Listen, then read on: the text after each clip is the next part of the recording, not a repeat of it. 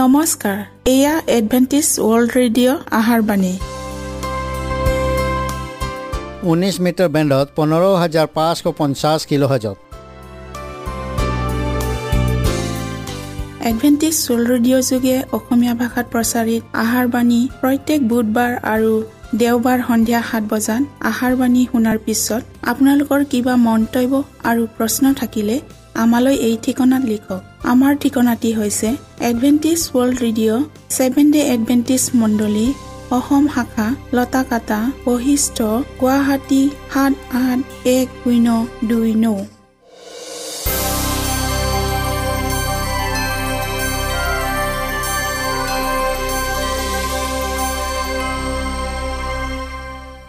প্ৰিয় শ্ৰোতা বন্ধুসকল এতিয়া শুনো আহক এটি খ্ৰীষ্টীয় ধৰ্মীয় গীত।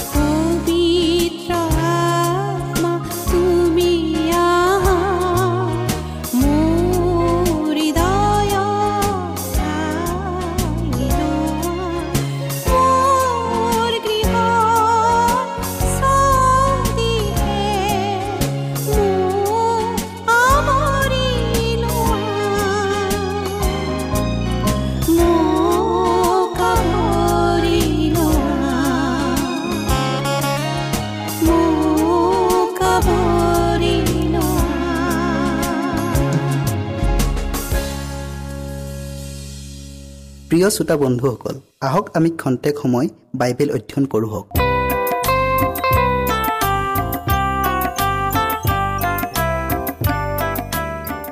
প্ৰেম বিধান আৰু অনুগ্ৰহ বুলিলে আমি কি বুজো? পবিত্ৰ বাইবেল শাস্ত্ৰত কৈছে কিন্তু শেষৰ কালত ভয়ংকৰ সময় উপস্থিত হ'ব। ইয়াকেই জানিবা। কিয়নো সেই কালত মানুহবিলাকে নিজকে প্ৰীতি কৰোতা ধনলোভীয়া দৰ্পী অহংকাৰী নিন্দক পিতৃ মাতৃক নমনা অপবিত্ৰ স্নেহহীন নিৰ্দয় অপবাদক ইন্দ্ৰিয় দমন নকৰা প্ৰচণ্ড সাধুক ঘৃণাওতা বিশ্বাসঘাতক আপোনময় মত গোপাল ঈশ্বৰ প্ৰিয়তকৈ বৰং সুখপ্ৰিয় ভক্তিৰ আকাৰধাৰী কিন্তু তাৰ শক্তি অস্বীকাৰী হ'ব। এনেবিলাক মানুহৰ পৰা তুমি বিমুখ হোৱা। তাহানি কালতেই মৃত্যু হোৱা আমাৰ আজু ককাহঁতে আমাৰ জঘন্য ঘৃণনীয় নীতি নিয়ম নোহোৱা দিনবোৰ দেখিলে তেওঁবিলাকৰ শৰীৰ মন সিঁয়ৰি উঠিলহেঁতেন। এইবোৰৰ মাজতো মানুহৰ বিশৃংখল আৰু যন্ত্ৰণাৰ জৰ্জৰিত হোৱা স্বত্তেও তাহানি দিনৰ ভাওবাদীৰ হতাশ নিৰাশাৰ কণ্ঠস্বৰ এতিয়াও স্পষ্টৰূপে শুনা যায়। সেইবিলাকৰ ভৰি কুকৰ্মৰ ফাললৈ বেগাই চলে। আৰু সিবিলাকে নিৰ্দোষীৰ ৰক্তপাত কৰিবলৈ বেগাবেগি কৰে। সিবিলাকৰ কল্পনাবোৰ অধৰ্মৰ কল্পনাহে। সিবিলাকৰ পথত ধ্বংস আৰু উচ্ছন্নতা আছে। সিবিলাকে শান্তিৰ পথ নাজানে আৰু সিবিলাকৰ গতিত একো বিচাৰ নাই। সিবিলাকে নিজলৈ বেকাবেকি বাট কৰিছে। যিজনে সেই পথত চলে সি শান্তি নাজানে। নতুন নিয়মৰ প্ৰথমখন সুবাৰ্তাত কৈছে আৰু অধৰ্ম অধিক হোৱাত অনেকৰ প্ৰেম চেঁচা হৈ যাব। যেতিয়াই মানুহৰ মনৰ পৰা এজনে আনজনক ভাল পোৱা প্ৰেম ভাৱ নাইকিয়া হৈ যায় তেতিয়াই সেইজনে বেকাবেকি পথ অনুসৰণ কৰি অশান্তিৰ জোৱাৰ তোলে। বিশুদ্ধ প্ৰেম দয়া মমতা ইত্যাদি গুণবোৰ আজিৰ দিনত দুষ্প্ৰাপ্য হৈ পৰিছে। কিয়? আজিৰ এই অশান্তিময় জগতত প্ৰেম আনন্দ আশা আৰু শান্তিৰ অভাৱে বিৰাজ কৰিছে। শাস্ত্ৰত কৈছে আৰু তোমালোকৰ সকলো কৰ্ম প্ৰেমেৰে কৰা হওক। আজি দুহেজাৰ বছৰতকৈ অধিক হোৱা শাস্ত্ৰৰ উপদেশ বাণী মানুহে বিদ্বেষ ভাৱ লৈ কেনেদৰে অৱহেলা কৰিছে? আধুনিক জগতৰ সমস্যাৱলী সমাধানৰ বাবে দাৰ্শনিক শিক্ষাবিদ মনোবৈজ্ঞানিকসকলে নানা সূত্ৰ আৱিষ্কাৰ কৰিছে। কিন্তু সেই সূত্ৰবোৰৰ দ্বাৰাই জগতৰ সমস্যাবোৰ সমাধান কৰি শান্তি স্থাপন কৰিব পাৰিছেনে? বৰং জগতৰ চুকে কোণে অৰাজকতাই অধিক বিস্তাৰহে কৰিছে। পবিত্ৰ বাইবেলে কৈছে আৰু তোমালোকে ৰণৰ কথা আৰু যুদ্ধৰ সম্ভাৱনাৰ বাতৰি শুনিবা। জাতিৰ বিৰুদ্ধে জাতি ৰাজ্যৰ বিৰুদ্ধে ৰাজ্য উঠিব আৰু ঠায়ে ঠায়ে আকাল আৰু ভূমিকম্প হ'ব। যীশুখ্ৰীষ্টই কোৱা ভাৱবাণী কেনে সঠিকভাৱে আজি ঘটি আহিছে বিশ্ববাসী মাত্ৰেই জানে। ইয়াক বহলাই কোৱা নিষ্প্ৰয়োজন।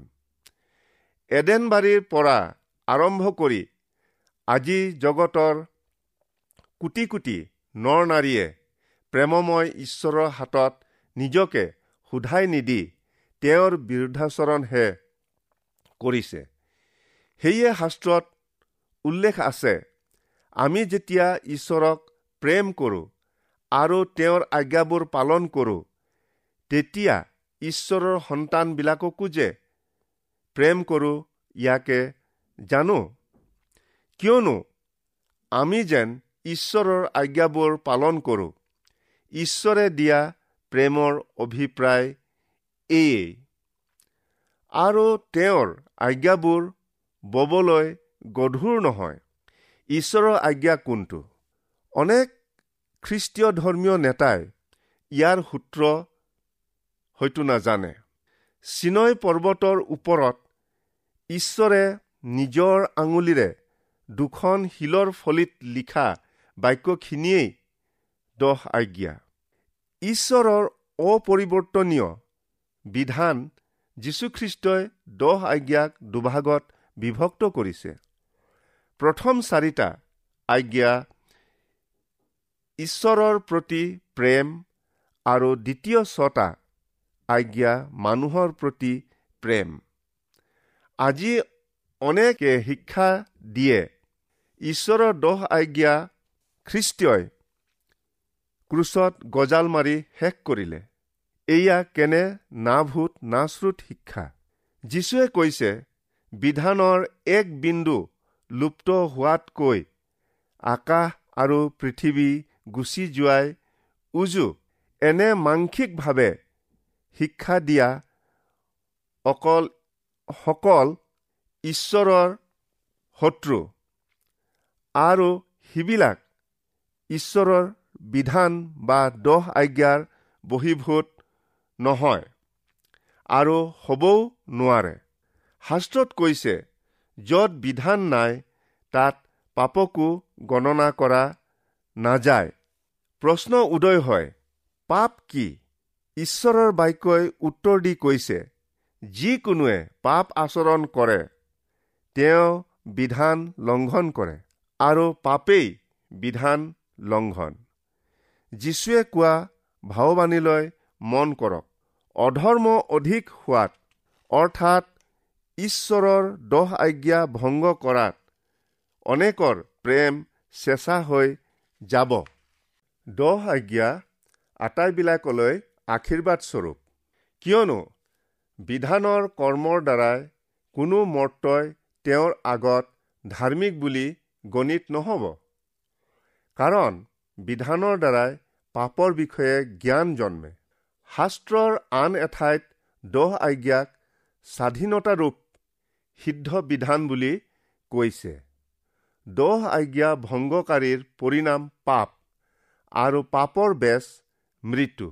বাইবেলে কৈছে সকলোৱে পাপ কৰিলে আৰু ঈশ্বৰৰ মহিমাৰ পৰা বঞ্চিত হৈছে। যেতিয়াই আমি ঈশ্বৰৰ মহিমাৰ পৰা বঞ্চিত হওঁ তেতিয়াই বিধানৰ সাপৰ অধীন হওঁ আৰু অনন্ত জীৱনৰ কোনো আশাই নাথাকে। কিন্তু ঈশ্বৰে যীশুখ্ৰীষ্টৰ যোগেদি আমাক অনুগ্ৰহ দান কৰিলে। যেন আমি জীৱন পাওঁ। আমি আমাৰ কৰ্মৰ দ্বাৰাই পাপৰ পৰা উদ্ধাৰ নাপাওঁ। কিন্তু যীশুখ্ৰীষ্টৰ তেজৰ দ্বাৰাইহে আমাৰ পাপ অপৰাধ মোচন হয়। আপোনাৰ হৈ খ্ৰীষ্টীয়ৰ আত্মবলিদান গ্ৰহণ কৰা নকৰা আপোনাৰ ওপৰত নিৰ্ভৰ কৰে। আপোনাৰ পাপৰ প্ৰায়চিত্ৰৰ বাবে খ্ৰীষ্টীয়ৰ তেজ হঠাৎ গ্ৰহণ কৰা যেন নহয়। প্ৰথমতে ঈশ্বৰে আপোনাক আপোনাৰ শত্ৰু ভাৱাপন্ন মনোভাৱ ত্যাগ কৰি তেওঁৰ বাধ্যতাত চলাটো বিচাৰে। শাস্ত্ৰত কৈছে তোমালোকৰ পাপ মোচনৰ অৰ্থে মন পালতোৱা আপুনি কেৱল অনুতাপ কৰিলেই নহয় ঈশ্বৰত বিশ্বাসো কৰিব লাগে। অনুতাপৰ মূল অৰ্থ হৈছে পাপ অপৰাধবোৰ ত্যাগ কৰি জীৱনত সম্পূৰ্ণ পৰিৱৰ্তন অনা। আৰু ছৈতানৰ দ্বাৰাই প্ৰভাৱান্বিত নহয় ঈশ্বৰৰ প্ৰেমৰ বাধ্যতা হয় তেওঁৰ আজ্ঞা পালন কৰা। ঈশ্বৰে যীশুখ্ৰীষ্টৰ যোগেদি অনুগ্ৰহ দান কৰা হেতুকে পাপবোৰ ক্ষমা হ'ল। পৰিত্ৰাণ বা উদ্ধাৰ আমি আৰ্জি ল'ব নোৱাৰোঁ। শাস্ত্ৰত কৈছে কিন্তু খ্ৰীষ্ট যীশুত যি মুক্তি তাৰ দ্বাৰাই ঈশ্বৰৰ অনুগ্ৰহত বিনামূল্যে ধাৰ্মিক বুলি গণিত হয়। আমি খ্ৰীষ্টীয়ত বিশ্বাস কৰি অনুগ্ৰহেৰে পৰিত্ৰাণ পোৱাত ঈশ্বৰৰ দহ আজ্ঞাৰ প্ৰয়োজন নোহোৱা হ'লনে? কেতিয়াও নহয়। শাস্ত্ৰত কৈছে তেন্তে আমি বিশ্বাসৰ দ্বাৰাই দহ আজ্ঞা লুপ্ত কৰিছোনে? এনে নহওক দহ আজ্ঞা থিৰহে কৰিছো। প্ৰিয় শ্ৰোতা বন্ধুসকল আপোনালোকে মন দি শুনক। দহ আজ্ঞাই পাপ দেখুৱাইহে দিয়ে কিন্তু পাপ ক্ষমা কৰিব নোৱাৰে। কেৱল যীশুখ্ৰীষ্টইহে আমাক আমাৰ পাপৰ পৰা উদ্ধাৰ কৰিব পাৰে।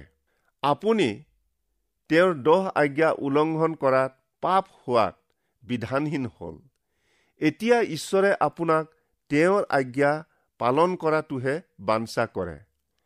কিয়নো ঈশ্বৰৰ আগত তেওঁৰ আজ্ঞা শুনাবিলাক নহয় কিন্তু আজ্ঞা পালন কৰাবিলাককহে ধাৰ্মিক বুলি গণিত হ'ব।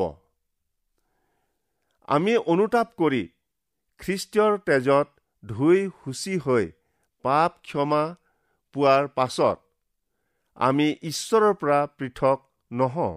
এতিয়া পবিত্ৰ আত্মাৰ দ্বাৰাই পৰিচালিত হৈ আমাৰ জীৱনত নকৈ সৃষ্টি হোৱাত তেওঁৰ দৰে হ'ম আৰু প্ৰেম আনন্দ ধৈৰ্য মনৰ শান্তিৰে অনুপ্ৰাণিত হ'ম। শাস্ত্ৰত কৈছে ঈশ্বৰৰ ব্যৱস্থা সিদ্ধ প্ৰাণক সুস্থ কৰোতা। নেভাবিব আপুনি আপোনাৰ শক্তিৰে জীৱনত পৰিৱৰ্তন সাধন কৰিব পাৰিছে। কিন্তু খ্ৰীষ্টইহে পবিত্ৰ আত্মাৰ যোগেদি আপোনাৰ হৃদয়ত বাস কৰি তেওঁ আজ্ঞা পালন কৰিবলৈ অনুপ্ৰাণিত কৰিছে। মই খ্ৰীষ্টে সৈতে ক্ৰুচত হত হলো। মই যিছো বুলিলেও সেয়ে আৰু মই নহয়। খ্ৰীষ্টইহে মোত জিছে। কিন্তু যি জীৱন এতিয়া মোৰ শৰীৰত আছে মোক প্ৰেম কৰা আৰু মোৰ কাৰণে নিজকে সমৰ্পণ কৰা ঈশ্বৰৰ পুত্ৰত কৰা বিশ্বাসতহে মই সেই জীৱন যাপন কৰিছো ইয়াক শাস্ত্ৰই কয়। যেতিয়াই আমি পবিত্ৰ আৰু আত্মিক ভাৱেৰে চলি বৃদ্ধি হৈ যাওঁ ক্ৰমান্বয়ে আমাৰ মনৰ ভাৱো যীশুখ্ৰীষ্টৰ দৰেই হয়। প্ৰেমেই বিধানৰ সিদ্ধি। অৱশেষত আপুনিও ক'ব মই ঈশ্বৰৰ ব্যৱস্থা কেনে ভাল পাওঁ? ওৰে দিনটো সেয়ে মোৰ ধ্যানৰ বিষয়।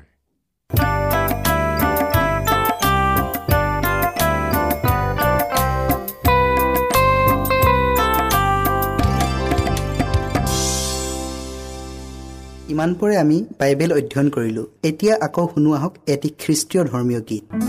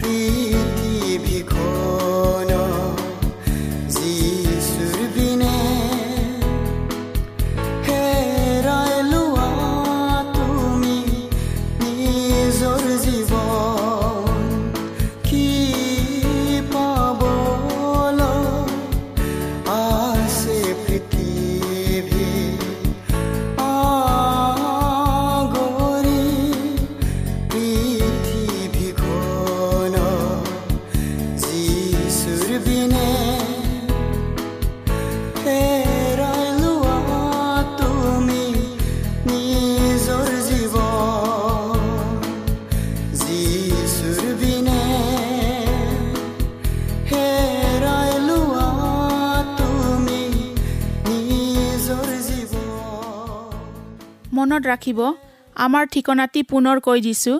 Adventist World Radio' Assam region of Seven Day Adventist Voice of Hope Latakata Basistha Guwahati seven eight one zero' two nine প্ৰিয় শ্ৰোতা বন্ধুসকল এডভেণ্টিজ ৱৰ্ল্ড ৰেডিঅ' যোগে আহাৰবাণী প্ৰচাৰত আপোনালোকক পুনৰ লগ পোৱাৰ আহাৰে আজিলৈ সামৰিলোঁ।